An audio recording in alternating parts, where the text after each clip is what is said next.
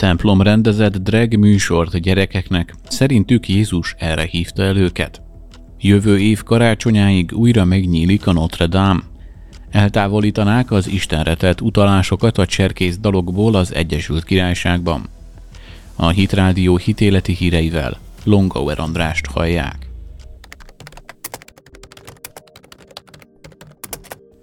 Az Egyesült Királyságban található South End on Sea templom lelkészen megvédte azt a döntést, hogy a város téli Pride rendezvényének részeként egy drag queen előadást tartottak gyerekeknek. A St. Mark's Church lépése jelentős visszhangot kapott az interneten, de azok biztosították a kritikusokat, hogy az esemény családi műsor volt, amelyben semmi helytelen nem történt. A templom már három egymást követő évben vett részt a Pride ünnepségem. Sherry Sandover anya a The Echo című lapnak adott kommentárjában így nyilatkozott. A Szent Marks büszke arra, hogy befogadó egyház, amely igyekszik befogadni és szolgálni az LMBTQ embereket. Azért tesszük ezt, mert hisszük, hogy Jézus, akit szeretünk és követünk, erre hív minket. Tim Dieppe, a Christian Concern közpolitikai vezetője azonban nem ért egyet. Nyilvánvaló, hogy szívesen látjuk az embereket a templomban, de arra is bátorítjuk őket, hogy kövessék a szentség, a tisztaság és az alapvető erkölcsiség keresztény normáit. Ez nyilvánvalóan magába foglalja a szexuális etikát, nyilvánvalóan magába foglalja a férfiak és nők közötti nemi különbségek tiszteletben tartását, mondta. Egy ilyen rendezvényen nem ez történik. A drag queenek népszerűsítése kisgyerekek előtt nem a befogadásról szól, hanem valójában arról, hogy megpróbáljuk indoktrinálni és normalizálni a keresztény ellenes viselkedést, emelte ki. Az eseményre akkor került sor, amikor Tennessee állam törvényt írt alá az Egyesült Államokban a kisgyermekek előtti drag előadások betiltásáról. Az új jogszabály, amely a jövő hónapban lép hatályba, megtiltja, hogy a gógó táncosok, egzotikus táncosok, striptease táncosok, férfi vagy női imitátorok nyilvános helyeken lépjenek fel. Tim az új törvényeket kommentálva így folytatta, nem hiszem, hogy helyén való, ha a gyerekek ki vannak téve a transvestitáknak, nem hiszem, hogy ez helyes dolog, legkevésbé például templomokban. Gratulálok Tennessee-nek, hogy ezt a lépést meghozta.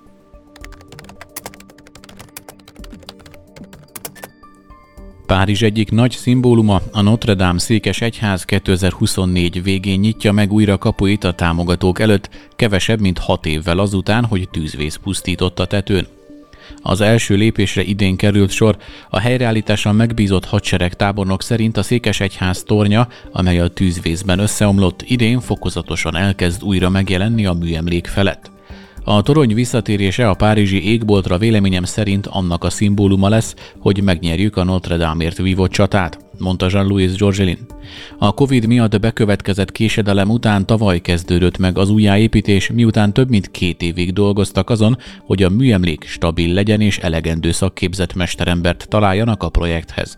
A jelentős átalakításokra vonatkozó elképzelések ellenére a francia hatóságok úgy döntöttek, hogy a 12. századi gótikus remekművet eredeti formájában építik újjá, a 19. századi kiegészítéssel a 315 lába magas toronnyal együtt. Úr elmondta, hogy a székesegyházi jövő év karácsonyára újra megnyílik, összhangban Emmanuel Macron francia elnök által közvetlenül a tűzvész után kitűzött céllal.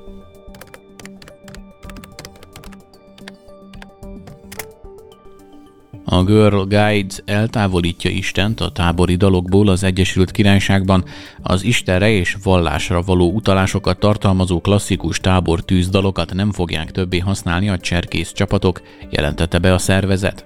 Az új irányelvek szerint a vezetők megváltoztathatják bármelyik dal szövegét, hogy elhagyják a vallási és rasszista utalásokat, amelyek miatt a lányok nem érezhetik magukat szívesen látottnak. Egy mostanra törölt blogban a szervezet példákat hozott fel arra, hogy a csoportok hogyan tehetik a dalokat mindenki számára befogadóvá. Egy csoport például úgy módosította a Brownie Bells című találkozó záró és táborzáró dalszöveget, hogy ne használja az Úr és az Isten szavakat. Az eredeti változatban ez állt, Ó, Úrunk Istenünk, gyermekeit hívnak, adj nekünk békét, és áldj meg mindannyiunkat. Jó ét, jó ét. A rasszizmusra vagy gyarmati múltra való utalásokat is eltávolították a dalokból. A blog példaként említette Emma csoportvezető esetét, aki abba hagyta néhány dal, például a Land of the Silver Bridge című kanadai népdal, illetve a Five Little Monkeys című gyermekdal éneklését gyarmati és rasszista történelmük miatt. A döntés kérdéseket vetett fel a keresztények körében, akik szerint a szervezet megpróbálja eltörölni a keresztény örökségét. A cserkészlányoknak és a cserkészeknek emlékezniük kellene arra, hogy alapítóikat Robert Baden-Powell-t és nővérét Ignaszt hitük motiválta, mondta Kiera Kelly, a keresztény intézet munkatársa a Mail on Sunday-nek.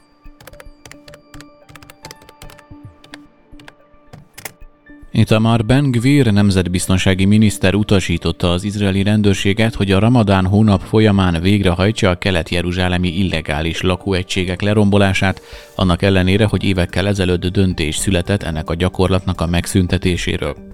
A kelet-jeruzsálemi illegális építkezések kifejezetten a ramadán idején történő lerombolásának megszüntetéséről már évekkel ezelőtt döntés született, hogy ne fokozzák tovább a feszültséget az amúgy is feszült hónap alatt. Azonban Bengvir utasítást adott a döntés visszavonására, és a rendőrség az ezzel járó fokozott biztonsági kockázat ellenére is követi az utasítást. A gyarmatosító és rasszista miniszter szavai eszkalációra úszítanak, annak fényében, hogy azzal dicsekedett, hogy a ramadán szent hónapja alatt palesztin állampolgárok házait rombolják le Jeruzsálemben. Nyilatkozták a lépésre reagálva. Az IDF tisztviselői az elmúlt hetekben arra figyelmeztettek, hogy az idei ramadán fokozhatja az izraeliek és a palesztinok közötti feszültséget, amely már most is fokozódik, miután 2023 eleje óta 14 izraelit gyilkoltak meg terrortámadásokban. A múlt héten az Institute for National Security Studies éves konferenciáján felszólalva Oded Basiuk vezérőrnagy az IDF műveleti parancsnoka figyelmeztetett, hogy nem tudja megígérni, hogy a palesztin terrorizmus nem fog eszkalálódni a március 22-én kezdődő és április 20-án véget érő ramadán hónap előtt.